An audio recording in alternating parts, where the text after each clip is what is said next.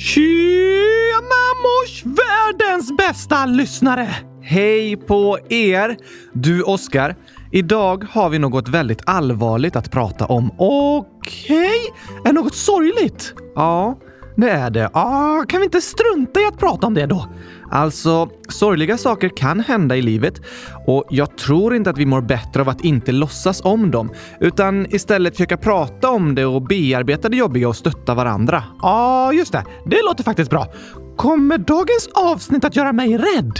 Jag tror att det här är något som väldigt många lyssnare redan har hört talas om och jag vet att många är rädda och oroade över det som händer.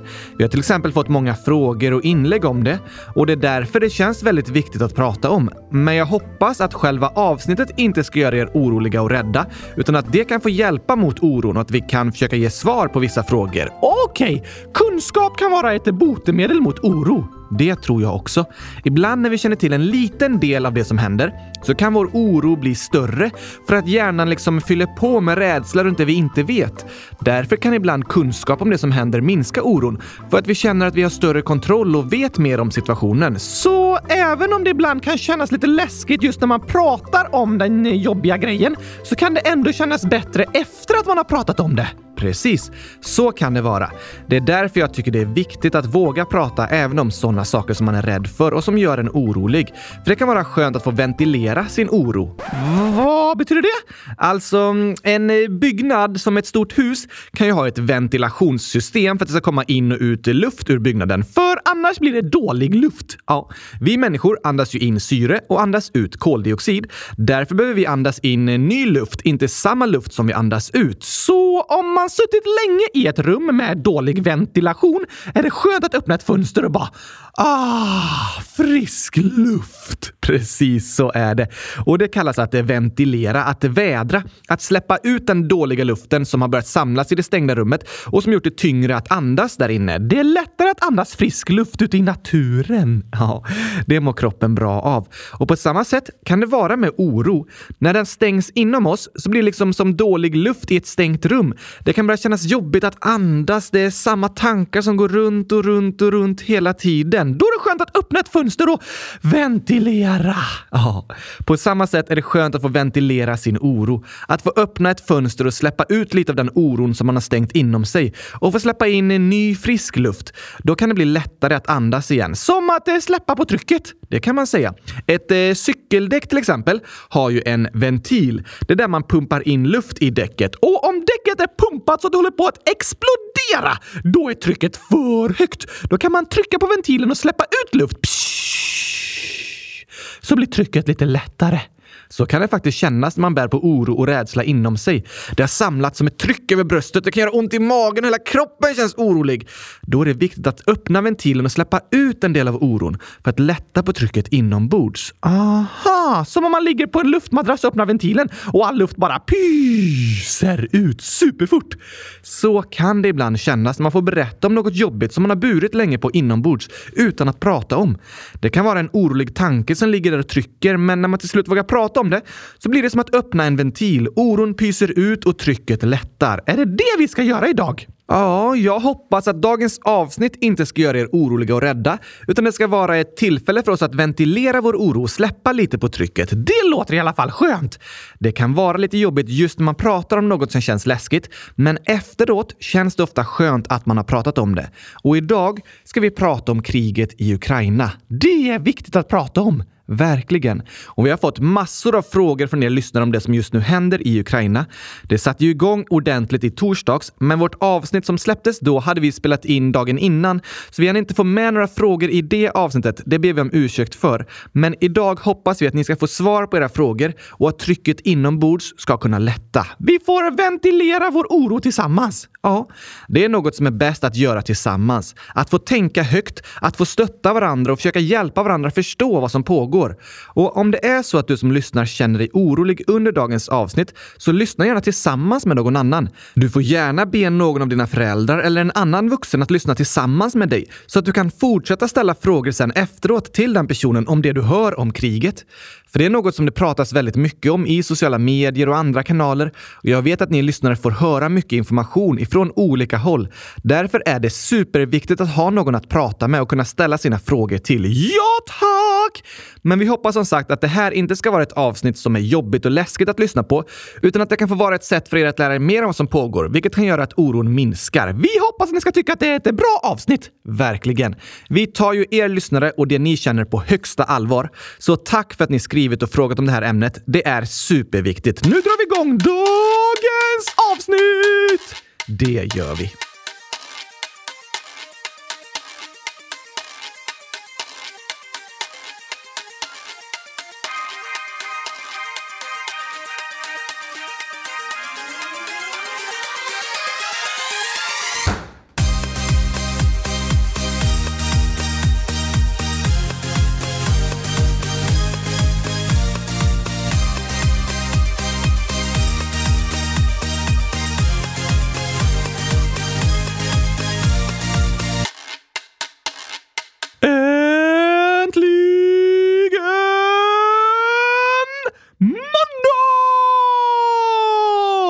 Ja, äntligen! Jag har faktiskt längtat efter att det ska bli måndag och vi ska hinna göra ett avsnitt om kriget i Ukraina. För jag vet att något ni lyssnare är liksom akut oroliga för och har skrivit många viktiga frågor om. Ja tack! Vilket avsnittsnummer är det idag? 100 254. Okej, okay.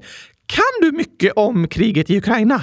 Alltså, jag är ju ingen krigsexpert och har ingen direkt information från Ukraina eller så. Nu på universitetet har jag studerat en del historia från det här området, men först och främst lyssnar jag på andra som är experter och kan mycket. Och så försöker jag förmedla det vidare här i podden. Aha! Och det är en viktig fråga du ställer, Oskar. För samtidigt som det sker ett krig med vapen så pågår det liksom ett informationskrig på internet om vad som är sanning. Kan det spridas flera olika sorters sanningar? Ja, det finns ju saker som är objektivt sanna och saker som är objektivt falska. Alltså sånt som inte blir sant även om jag tror att det är sant. Precis. Att 1 plus 1 är lika med 100 000 är ju inte sant, även om du önskar det, Oskar. Just det! Så det finns information som är objektivt sann och det finns information som är objektivt falsk. Sen sprids det också mycket information som är mittemellan, liksom med tolkningar eller gissningar om det som händer. Ah! Så när man läser om krig och konflikter i till exempel sociala medier är det svårt att veta säkert vad som är sant och inte. Och ett vanligt vapen idag är till exempel desinformation. Eh, är det ett slags gevär? Nej, det innebär att sprida falsk information. Att sprida lögner. Ja, hur funkar det vapnet? En lögn får ju människor att agera på ett visst sätt och att kunna styra vad människor gör är att ha stor makt. Därför är lögner ett väldigt starkt och effektivt vapen som används väldigt mycket idag. Oj då! Men hur går det att veta vad som är sant och vad som är falskt då? Alltså, det är alltid svårt för en journalist eller en tidning att rapportera helt objektivt om till exempel ett krig. Det jag säger kommer alltid vara lite präglat av det jag tycker och min syn på världen. Så personer från olika länder tolkar ofta en situation på olika sätt för att de har lärt sig förstå världen på olika sätt. Just det! Och det där kan vara klurigt, men de stora tidningarna och mediekanalerna kämpar hårt för att försöka vara så neutrala och objektiva som möjligt i sin rapportering. Och det viktigaste är är att det inte sprids rena lögner. Det är allvarligt! Ja, så det finns vissa tips som kan vara bra att tänka på när man läser och hör om allvarliga nyheter. För att få en lite bättre uppfattning över vad som kan vara sant och inte. Vad är det för tips? För det första så kan det vara bra att följa det som händer från flera olika medier. Alltså inte bara lyssna på en person. Ja, så om en youtuber säger “choklad är giftigt” så kan man vara lite tveksam. Men om SVT, TV4, Dagens Nyheter, Sveriges Radio och Aftonbladet alla säger att choklad är giftigt, då är det liksom större chans att det är sant. Typ så ja. Så när det bara är jag som säger att choklad är giftigt är det inte särskilt trovärdigt. Nej, men jag tror vi har gjort det ganska klart för lyssnarna att du liksom säger det bara på skämt. Det är giftigt för mig, för jag spyr om jag äter choklad. ja, det är något skojigt liksom. Men om till exempel stora nyhetshändelser så blir de mer trovärdiga om flera stora tidningar och tv-bolag berättar om det än om bara en person skriver om det på Twitter. Blir något mer sant bara för att fler berättar om det?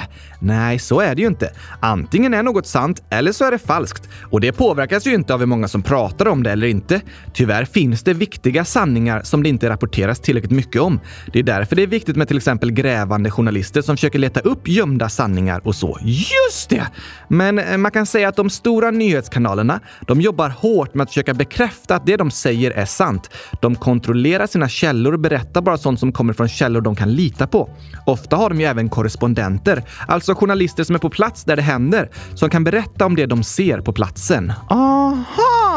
Så av den anledningen är det smart att följa en nyhetshändelse från flera olika kanaler och höra vad de alla säger. Så om det sägs på nyheterna på tv och står i flera stora tidningar, är det större chans att det är sant än om det är en person på TikTok som säger det? Ja, precis.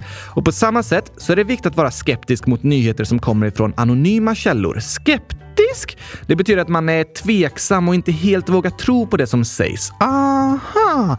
Är det bra att vara skeptisk till anonyma användare som skriver saker? Absolut.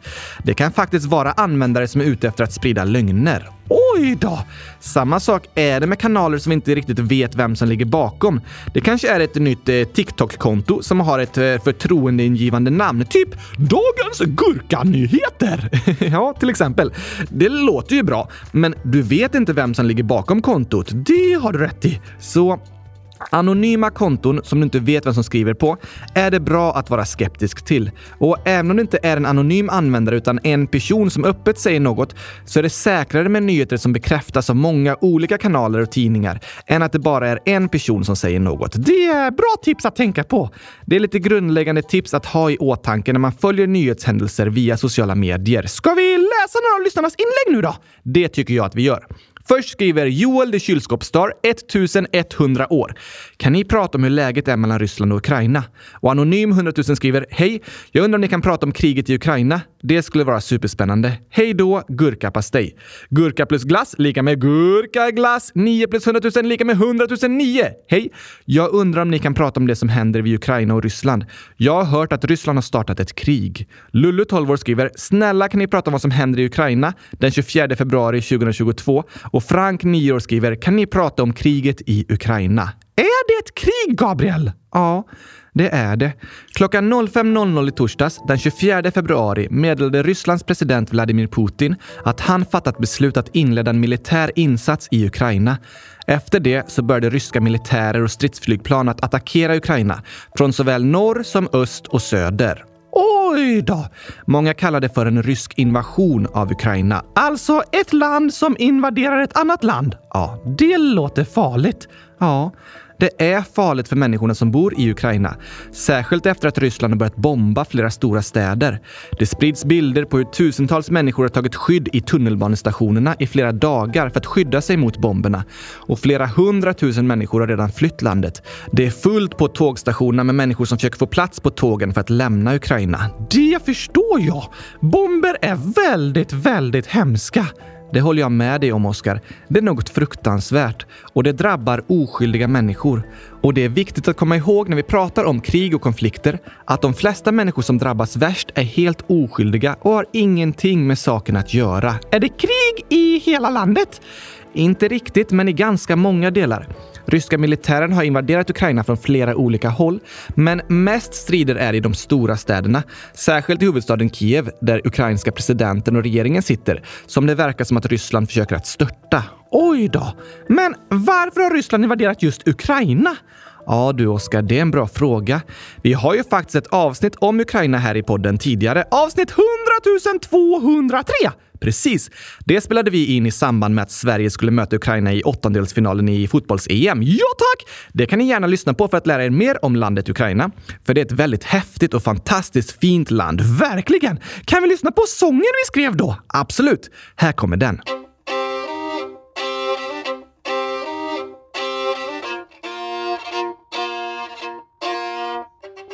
Ett landslag med tröjor gul och blå, lite svårt att veta vilka man ska heja på. Längst österut i Europa ligger dagens land. Ska vi dra dit och fota? Potatispannkakor och kyckling med smör. Den omstridda Krimhalvön, Svarta havets vackra kust. Får se om vi hittar någon gurkamust i Europas näst största land. När vi vandrar på en strand bland fotbollsfans som hejar på Ukraina. Imorgon får vi se hur det går. Den sången släppte vi dagen innan matchen i EM. Ja, som Ukraina vann på övertid mot Sverige. Just då var det lite sorgligt för Sverige att förlora. Men nu så här i efterhand är jag faktiskt lite glad för att Ukraina vann. Jag förstår vad du menar, Oskar. Jag unnar det ukrainska folket all glädje och lycka de kan få. Men alltså, när det är krig någonstans, då är det som att alla bara tänker på att det är krig i det landet. Hur menar du nu? Om du till exempel säger landet Ukraina så tänker de flesta idag på att det är krig där, inte på allt fantastiskt vackert och häftigt som finns i Ukraina. Det har du rätt i, Oskar. Och jag håller med om att det är väldigt sorgligt att vissa länder förknippas med krig och konflikter istället för att vi tänker på all vacker natur, god mat, spännande historia, livfull kultur och så vidare som finns där. Jag håller med! Så har du lite fun facts från Ukraina? Ja, visst. Det kan vi ta. Jag läste att traditionen med påskägg kommer från Ukraina. Va? Ja, att måla påskägg började göras redan på 1200-talet. Oj då! Och världens längsta musikinstrument kommer också från Ukraina. Är det 100 000 meter långt? Nej, det är ett alphorn som är gjort av trä. En sån där lång strut som man blåser i. Det skulle man kunna kalla den, ja. Hur låter den? Så här.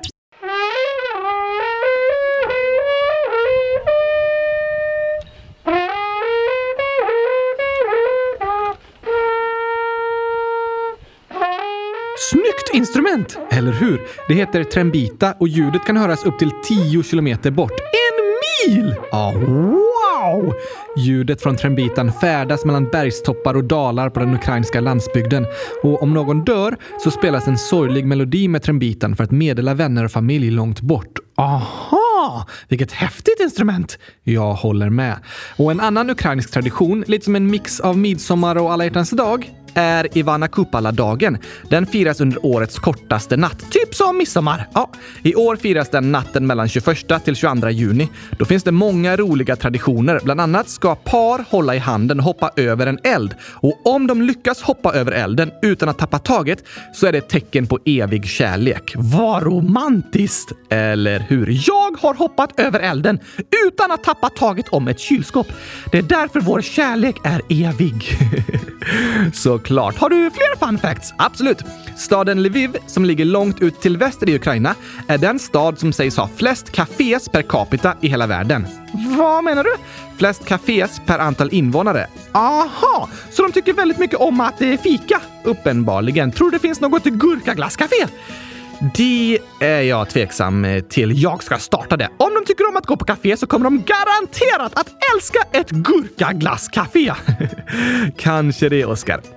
En annan häftig fakta är att i Ukrainas huvudstad Kiev, där finns världens djupaste tunnelbanestation. Va? Ja. Från ingången till stationen så behöver resenärerna ta sig 105,5 meter ner under jorden för att komma ner till tågspåren. Oj då! Det beror på att stationen ligger på en kulle som är precis bredvid en flod. Så först åker tåget på en bro över floden, sen åker det in i en tunnel genom kullen och på den korta sträckan har inte tåget hunnit åka så mycket uppför. Så de som går in i stationen uppe på kullen måste ta sig med flera långa rulltrappor över 100 meter ner under marken för att komma ner till tågrälsen. Vad heter stationen? Arsenalna. Den byggdes år 1960 och är känd som världens djupaste tunnelbanestation. När de byggde den så hoppades de nog inte att den skulle behöva användas som gömställe för bombanfall. Nej, såklart inte. Men hur kommer det sig att det blivit så hemskt, Gabriel? Det är en bra fråga, Oskar. Och så här skriver Gulka Lilly, 10 år och 6 månader gammal. Hej kylskåpsradion! Jag tycker inte om när folk bara säger att Ryssland vill ha Ukraina av ingen anledning. För att de har sina skäl. Det är fortfarande hemskt. Men till och med min lärare sa att Putin bara vill ha makt, så kan ni ta det från början. Liksom eh, varför Putin vill ha ukrainska delar och sånt. Det har väl någonting med att presidenten i Ukraina samarbetade med Ryssland, men sen fick de en ny president och så har det väl med Sovjetunionens fall. Hej då! Det där låter klurigt. Ja, det är en klurig situation med en lång historia. Är det sant att Ryssland har anledningar att invadera Ukraina?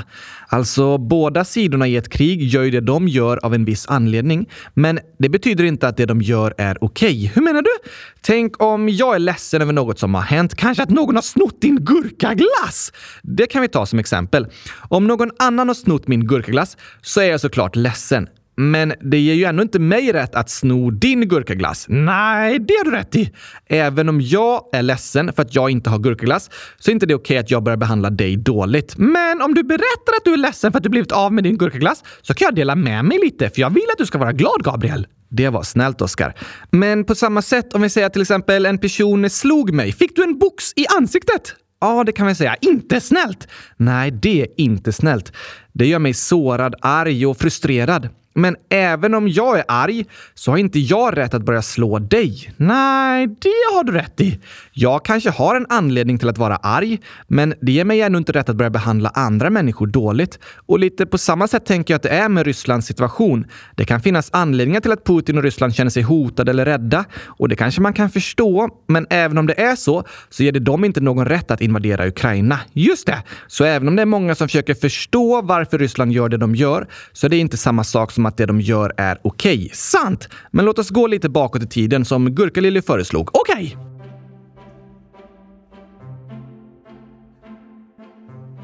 Hur länge har Ukraina funnits? Det där är alltid svårt att svara på, Oskar. För många av de länder som finns i världen idag kan vara ganska nya. Men samtidigt så bor det människor och folkgrupper där som har gjort det i hundratals eller till och med tusentals år med gamla språk och traditioner. Aha! De gränser som finns i till exempel Europa idag är väldigt nya, även om ett lands historia kan vara väldigt gammal. Just det! Och dagens Ukraina är det till ytan näst största landet i Europa efter Ryssland. Och det bor 44 miljoner människor där. Fyra gånger fler än i Sverige! Precis.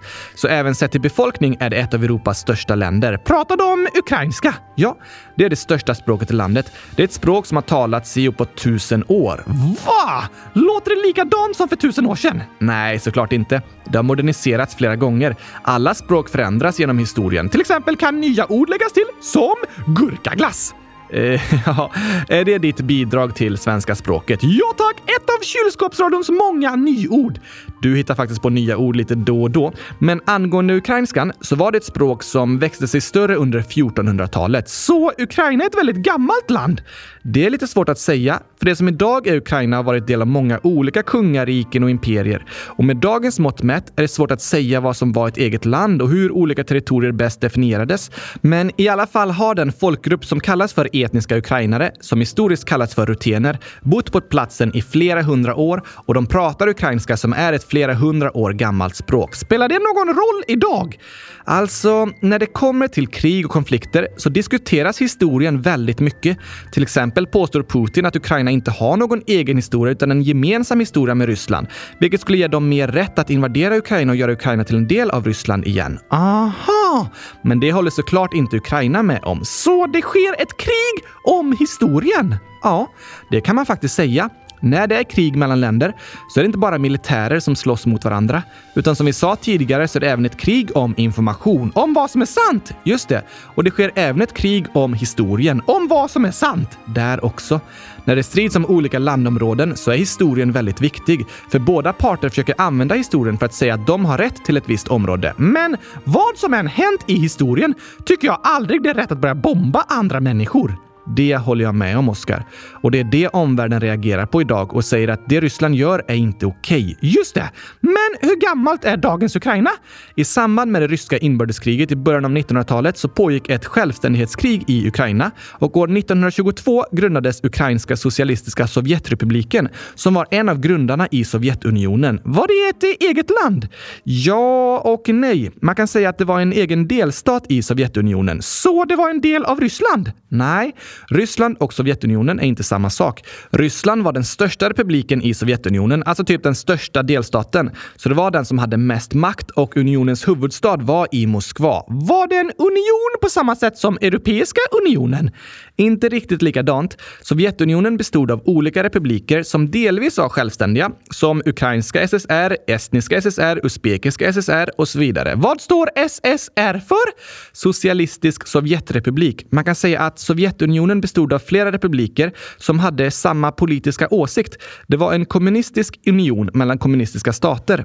Och från början var det tanken att det skulle vara en demokratisk union. Istället för att landet skulle styras av en kung, eller tsar som det hette i Ryssland, skulle folket vara med och bestämma. En sovjet var ett slags demokratiskt råd där människor, till exempel arbetarna på en fabrik, skulle få säga vad de tycker. Men i slutändan blev Sovjetunionen ett land som präglades av våld och terror, utan yttrandefrihet och fria val. Ah! Aj då! Så även om många olika republiker var med och grundade Sovjetunionen tillsammans, till exempel Ukraina, kan man säga att de med tiden blev mer och mer kontrollerade från ledningen i Moskva. Tills det som Gurkalilly skrev om hände. Sovjetunionens fall år 1991. Blev de olika Sovjetrepublikerna självständiga då? Ja, Helt rätt, Oskar. Då bildades länder som Ryssland, Georgien, Ukraina, Moldavien, Estland, Lettland, Litauen, Kirgizistan, Kazakstan och så vidare. Det som varit Sovjetunionen splittrades till att bli 15 självständiga länder. Så dagens Ukraina har funnits sedan år 1991? Precis, det kan man säga. Men det har inte varit en helt fredlig tid. Ukraina är ett stort land som sträcker sig ända från gränsen till Polen, Slovakien och Ungern i väst till långt in i Ryssland i öst. Så det ligger liksom emellan Centraleuropa och Ryssland. Och tyvärr har det varit så under historien att länder som ligger mitt emellan olika maktcentrum har varit väldigt krigsdrabbade. Det är väldigt hemskt.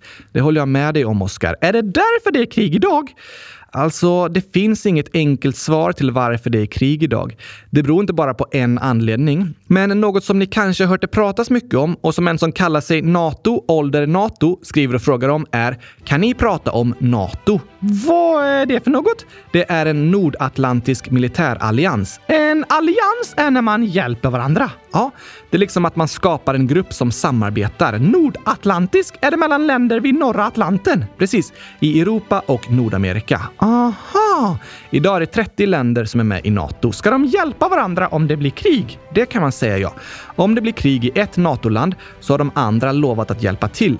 Och det var en militärallians som grundades efter andra världskriget under det som kallas kalla kriget. Det är mycket krigshistoria idag. Ja, verkligen. Och det är både för att försöka förstå det som händer i Ukraina och för att kunna svara på lyssnarnas intressanta och kluriga frågor. Just det! Och Kalla kriget var kan man säga ett krig mellan öst och väst, mellan olika politiska ideologier och olika världssyn, mellan kommunismen i Sovjetunionen och kapitalismen i det som kallas för västvärlden, som bestod av Europa och Nordamerika. Var det ett kallt krig för att det var vinter i de länderna? Nej då. Det kallas för kalla kriget för att det liksom aldrig hettade till. De olika länderna förberedde sig för krig och rustade upp sina militärer, men började aldrig riktigt kriga mot varandra. Nähä! Eller de slogs mot varandra, men på andra ställen på jorden, till exempel i Korea och i Vietnam. Men det var aldrig krig i varken Sovjetunionen eller USA, utan det var en period då det konstant förbereddes för krig. Nya vapen utvecklades, atombomber installerades och militärallianser skapades. Dessutom var det krig utan vapen, till exempel krig om information. Aha! På många sätt var det ett krig om vad som var sant.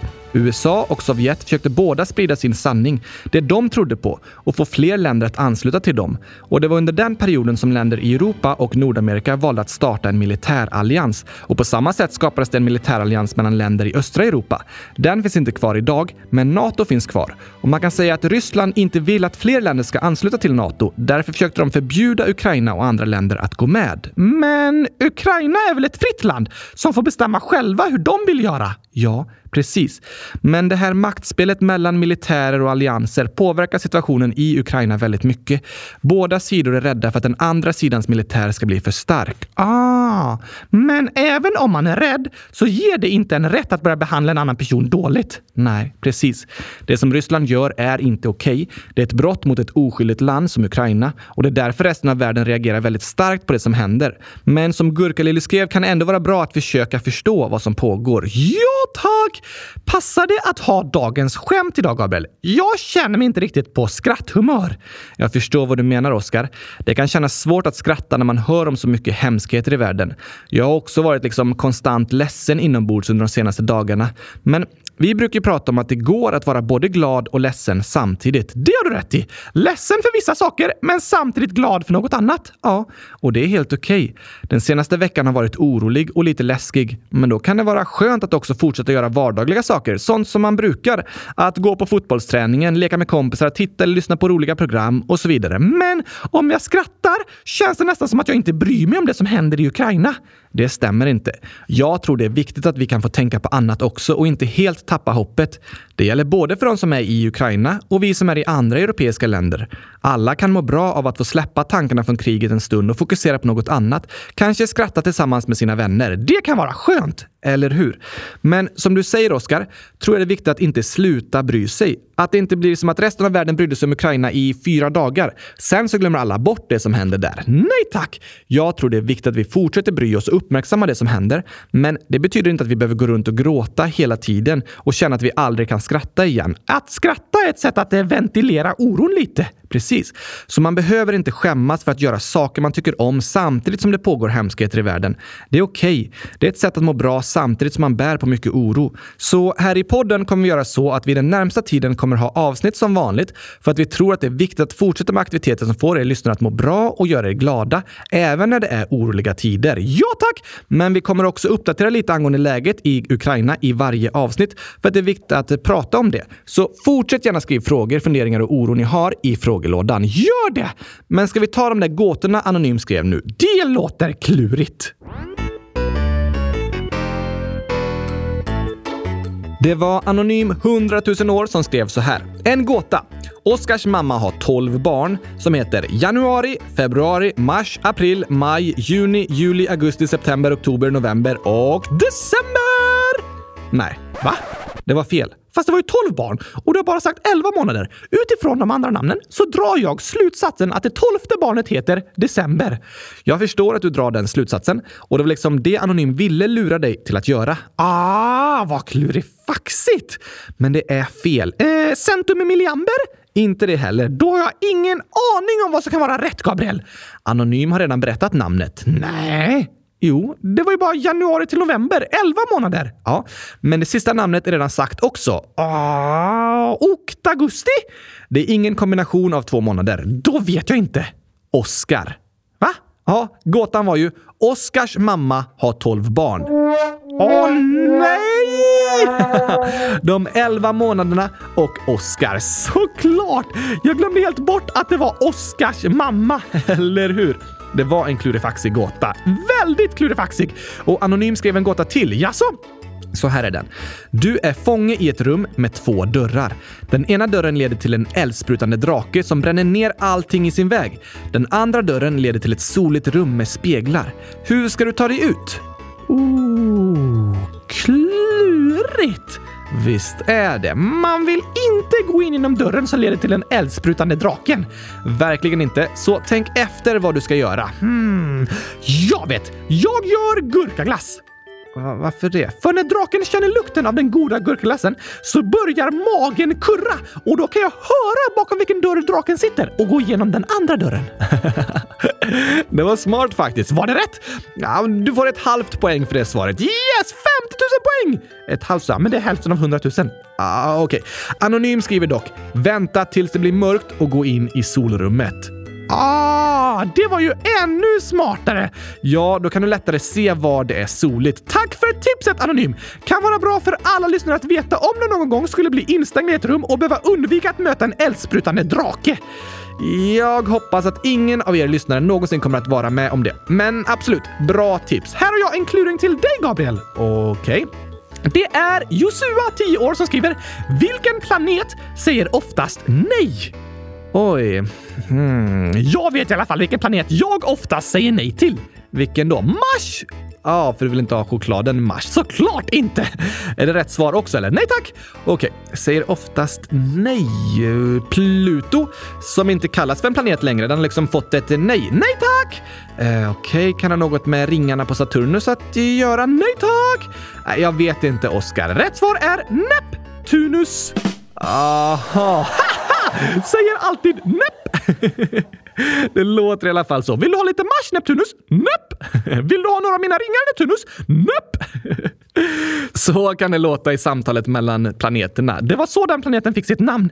Jag, jag tror inte det, men det var ett tokigt skämt i alla fall. Ja tack! Ska vi lyssna på en sång nu? Absolut, det låter bra. Vi har ett förslag här från Sjuk Gurka, 100 000 år.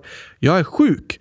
Så skulle ni kunna spela upp I drömmar kan alla flyga. Hoppas jag blir frisk. Åh, vad tråkigt att höra Sjuk Gurka! Men såklart kan vi spela upp den sången! Absolut. Det var ett väldigt passande förslag och vi önskar verkligen att du ska få krya på dig. Det önskar vi till alla som är hemma sjuka. Det gör vi. Massor av kramar och hälsningar till er härifrån Kylskåpsradion. Och kommer du ihåg, Oskar, citatet från Harriet Tubman? Ja tack! Att eh, varje stor dröm börjar med en drömmare. Precis. Nu under oroliga tider så är det fortsatt viktigt att drömma. Att inte ge upp hoppet om en värld som kan leva i fred där människor behandlar varandra väl. Det är en fin dröm! Det tycker jag verkligen. Och det drömmer jag om. Särskilt för de som lever i Ukraina, men också för människor i alla världens länder. Och jag hoppas att det är något vi kan drömma om alla tillsammans. Ja tack! Dröm med oss! Var med och förändra världen och gör den till en fredlig plats för alla människor. Nu drömmer vi tillsammans. Jag tror vi kan.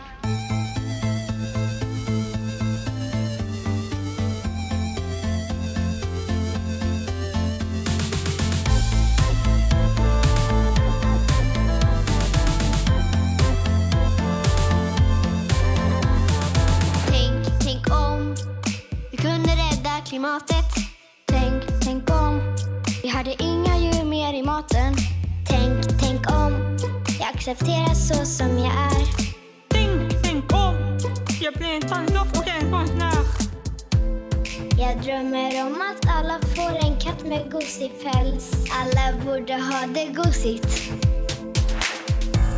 Jag drömmer om en plats där jag får vara mig själv. Det kanske låter otroligt, men tänk på att i drömmar kan alla flyga.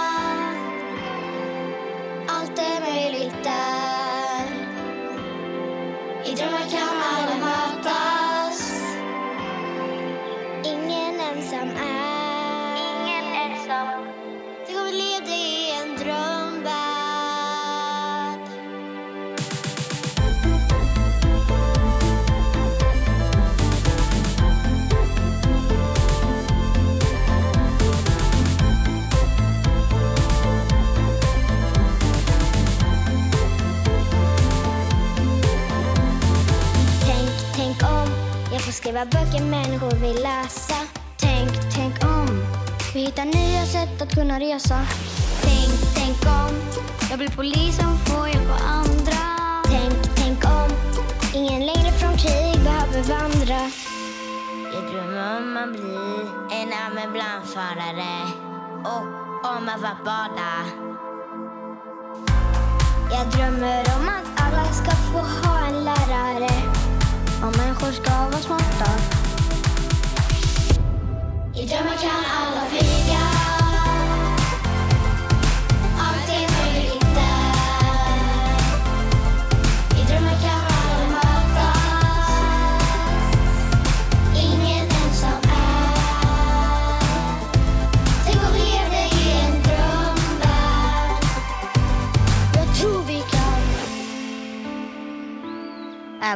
Man ser ut på ett speciellt sätt så är lika mycket värd. Det är trappor ner till gympasalen. Det tycker jag är lite dåligt. Ja, jag är vegetarian. För att jag tycker synd om djuren. Det är som att de inte har tänkt på så här, ja men här börjar vi med rullstol liksom. Jag älskar att dansa. Man får röra på sig och man släpper tankarna och ja, allt. Man får inte se lika mycket lön som killar. Om man inte tänker på klimatet så tänker man inte på oss själva. För det är ju farligt för oss också. Och alla är ju ändå innerst inne ganska lika. Två dagar i veckan borde vi typ äta lite mer grönsaker istället för kött. Det är jättemycket krig och så just där de bor. Så kanske de kommer till exempel till Sverige och så säger de att de inte kan komma in i landet när det är barnets bästa. Lagar är liksom till för att följas, men eh, det blir inte alls så. I drömmar kan alla flyga.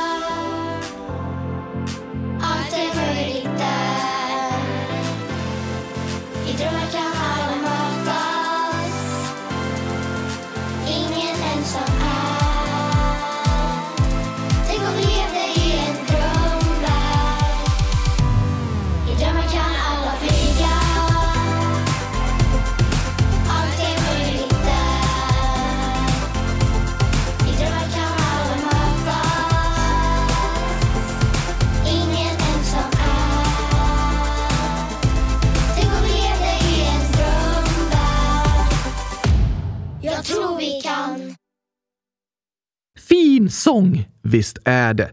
Den var lite uppmuntrande att lyssna på idag. Det är viktigt att inte tappa hoppet utan fortsätta tro på fred. Jag håller med. Har vi några fler lyssnarinlägg om Ukraina? Ja, det har vi. Ska vi ta dem också? Såklart! Det är ett här från Lullu. 0,0000001% är kvar av Ukraina, är 12 år. Ryssland har tagit över Ukraina på några timmar bara. Varför tog Ryssland över Ukraina?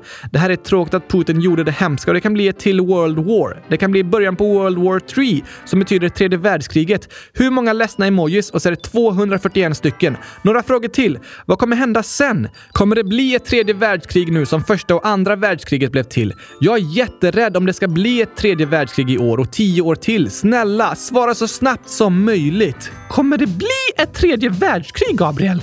Nej, det tror jag inte. Alltså, jag kan tyvärr inte svara på vad som kommer hända i framtiden, men världen ser väldigt annorlunda ut idag mot hur den var för hundra år sedan när världskrigen satte igång. Europa hade haft ständiga krig i flera tusen år, men nu har länder som länge krigat mot varandra, som Frankrike, Tyskland och England, varit i fred i nästan hundra år. Länderna i Europa har som mål att samarbeta med varandra istället för att kriga mot varandra. Det tjänar alla på! Ja, precis. Det som många är oroliga för är Rysslands roll och vad de kommer att fortsätta att göra. Men historiskt sett kan man säga att Ryssland inte har haft något intresse av att gå i krig i Centraleuropa, utan de har velat kontrollera länderna runt Ryssland, till exempel Ukraina, som ett eh, skydd, en slags sköld runt ryska gränsen. Så jag tror inte du behöver vara orolig för ett nytt världskrig, Lulu. Dessutom är det positivt att se hur resten av världen reagerar på det som händer. Hur många länder gemensamt går emot det Ryssland gör och hur människor över hela världen engagerar sig. Det är stora demonstrationer i många stora städer, till och med inne i Ryssland. Där är det modiga människor som gör motstånd med fara för sina egna liv. Det som händer i Ukraina har lett till en stor enighet mellan världens länder. Samarbetet har ökat och många engagerar sig för att stoppa dessa hemskheter. Så samtidigt som vi sörjer och är förskräckta över det som händer är det något positivt att se att motståndet mot dessa hemskheter är stort. Det är skönt att tänka på, eller hur? Världen är idag väldigt annorlunda mot hur den var för hundra år sedan och det kan inte startas världskrig på samma sätt som det gjorde då. Men det som händer i Ukraina är något av det värsta som har hänt i Europa sedan andra världskriget. Så det är viktigt att det tas på allvar och att vi i alla världens länder förstår att fred är inte något som kommer av sig självt. Det är något vi behöver kämpa för. Vi behöver stå upp för människors lika värde, mänskliga rättigheter och demokrati och gå emot hat och våld. Ja, tack! Tack för din fråga Lulu. Den är väldigt viktig att ställa. Men kaninälskaren 11 och ett gurkaår minus ett gurkaår plus ett år lika med 12 år skriver Hej, kan ni prata om kriget mellan Ukraina och Ryssland? Jag är superrädd! Borde man vara rädd, Gabriel? Alltså, jag är också lite rädd, kaninälskaren. Jag är ofta rädd över saker jag inte har full kontroll över. Men först och främst är jag ledsen för det som händer. Jag är inte så rädd för att det ska bli krig i Sverige. De flesta experter är inte heller oroliga för att det ska bli krig här. Men jag kan vara rädd för att det ska fortsätta vara ett hemskt krig i Ukraina, där många oskyldiga människor dödas eller tvingas fly. Det är jag rädd för. Och jag hoppas att det inte ska bli så, utan det ska bli ett snabbt slut på kriget. Att bomberna ska sluta och att konflikten ska lösas på andra sätt. Och det är många i världen som arbetar hårt för att kriget ska få ett snabbt slut. Och det ger mig hopp och gör att det känns lite bättre. Det är skönt när människor bryr sig och tar det på allvar. Ja, precis. Det känns bra tycker jag. Det är något vi behöver ta på allvar, särskilt för folket i Ukrainas skull. För dem är det viktigt att resten av världen gör allt de kan för att få ett slut på kriget och hjälpa alla oskyldiga människor som drabbas av hemskheterna. Jag håller med! Och när kriget satte igång i torsdags så var det många som blev chockade och ryska armén tog sig fram väldigt snabbt. Men de har mött väldigt starkt motstånd, både i Ukraina och från resten av världen i form av att Ryssland stängs ute från olika samarbeten och så vidare. Vissa experter tror att Ryssland kanske inte hade räknat med så här mycket motstånd. Det är många väldigt modiga människor, särskilt i Ukraina och Ryssland, som står upp emot det hemska som sker. I Ryssland är det tusentals människor som tagits till fånga för att de demonstrerat mot det den ryska regimen gör. Oj då! Det är viktigt att komma ihåg att även om vi kan ogilla det den ryska regimen gör, att vi är emot det kriget de har startat, så kan vi inte vara arga på alla människor som är ryssar. Just det, för de kan också vara emot det som händer. Precis. Det är inte det ryska folket som har startat kriget, utan det är Putin och de ryska ledarna. Och det finns jättemånga supermodiga ryssar som gör motstånd mot det som sker. Bra att komma ihåg! Eller hur? Sen skriver Julia, 10 år. Jag har en kompis. Hon har släkt i Ukraina. Hon och hennes bror har varit med på Lilla Aktuellt. Hennes mamma är från Ukraina. Putin är sämst. Bu på Putin. Åh, det måste vara en hemsk situation. Verkligen. Tack för att du skriver och berättar, Julia. Krig är fruktansvärda för att så många oskyldiga människor drabbas. Ja, människor som vill leva sina liv i fred, som vill ta hand om sina familjer och umgås med sina vänner. Men det vi utanför kan göra är att fortsätta vara goda medmänniskor som bryr sig om de som drabbas, som förstår att det inte på något sätt är deras fel. Hoppas du och din kompis kan fortsätta göra roliga saker tillsammans, Julia. Precis. Du kan få stötta henne genom att vara en bra kompis, precis som vanligt. Kompisar är fantastiska att ha. Verkligen. Särskilt när man går igenom tuffa perioder. Tack för att du bryr dig Julia. Sen skriver längdskidan den andra, John, 12 år. Skulle Putin varit svensk skulle han antingen suttit i ett fängelse eller på ett psykhem. Tror du det, Gabriel? Jag vet inte, Oskar. Det är möjligt att han hade blivit dömd för olika ekonomiska brott och kanske även krigsbrott. Jag hoppas att de som ligger bakom den här fruktansvärda attacken kommer ställas till svars i framtiden och dömas för det de har gjort. Efter krig så är det ofta viktigt att ha olika domstolar där krigsförbrytare ställs till svars. Det blir ett sätt att försöka ge dem som drabbats rättvisa. Aha! Och redan nu pratas det om att Putin kan utredas för krigsbrott av något som kallas ICC, krigsförbrytardomstolen. Skulle det stoppa kriget? Jag vet inte, men det skulle vara ett steg på vägen i alla fall. Ja tack! Och jag tror det är viktigt att andra länder gör allt de kan för att sätta ner foten och gå emot det fruktansvärda som sker, för att stötta folket i Ukraina. Jag håller med! Och trots att det varit fruktansvärda dagar av krig så har reaktionerna världen över varit väldigt starka och Ryssland har mött starkt motstånd. Och jag hoppas att det kommer fortsätta så. Det hoppas jag också! Och det sista inlägget om kriget i Ukraina är från Benjamin 7 gånger 2 minus 4 lika med 10 år. Ryssland har havsgräns till Sverige. PS. Hur många emojis? Och hitta felen. Och så är det 225 emojis med lite choklad och chili bland massa gurkor. Jag vill ha gurkorna, inte de där andra äckliga sakerna. Det förstår jag. Men har Ryssland gräns till Sverige? Ja, det finns en liten del av Ryssland som heter Kaliningrad som ligger vid Östersjön mellan Litauen och Polen. Aha! Så från Kaliningrad kan man säga att det är en havsgräns mellan Ryssland och Sverige. Men enligt experterna finns det i nuläget inget hot om krig i Sverige. Självklart tar Sveriges regering och militär situationen på allvar och diskuterar hur Sverige bäst skyddar sig som land. Men det är mest en säkerhetsåtgärd. Det beror inte på att de tror att det kommer att bli krig i Sverige. Det är skönt att höra. Verkligen. Och stort tack vill vi säga till alla som har skrivit så kloka och intressanta frågor och inlägg i frågelådan. Det är superbra att ni berättar vad ni funderar på. Ja, det är jätte, jätteviktigt. Fortsätt skriv i frågelådan på www.kylskåpsradion.se så ska vi fortsätta försöka svara. Vi har inte alla svar i världen angående konflikten i Ukraina. Det finns ingen som vet hur framtiden kommer bli. Kanske är kriget över på några dagar. Kanske fortsätter det under längre tid. Men vi kommer fortsätta prata om det här i podden och fortsätta att stötta varandra. Det är det bästa vi kan göra. Eller hur? Vi hoppas i alla fall att ni fick lära er något i dagens avsnitt och tyckte att det var intressant. Ja, tack!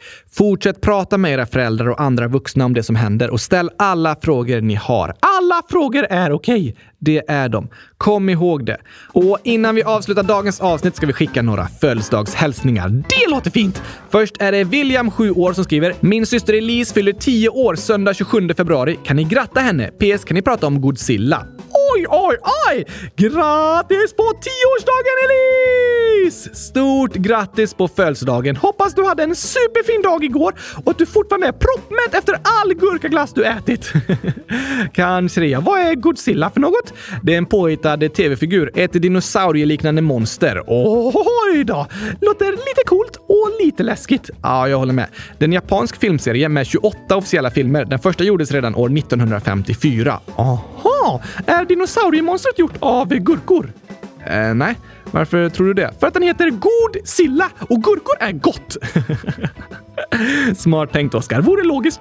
Eh, kanske det. Ja, tack så mycket i alla fall. Nästa hälsning vill vi skicka till Rut som också fyllde 10 år igår. Grattis på födelsedagen! Hoppas du hade en fantastiskt fin födelsedag Rut och fick ett vandrande kylskåp i present. Jag vet inte om Rut önskade sig det, men vi hoppas att du hade en glad dag med mycket skratt och glädje tillsammans med familjen. Såklart! Och vi önskar alla er älskade lyssnare en fantastiskt fin vecka. Vi hörs igen på torsdag! Såklart gör vi det. Då fortsätter vi följa det som händer i Ukraina samtidigt som vi läser upp och svarar på massor av andra inlägg också. Jag längtar redan! Jag också. Ta hand om er. Vi tycker så mycket om er. Ja, tack och hej! Gurkapastej! Hej då!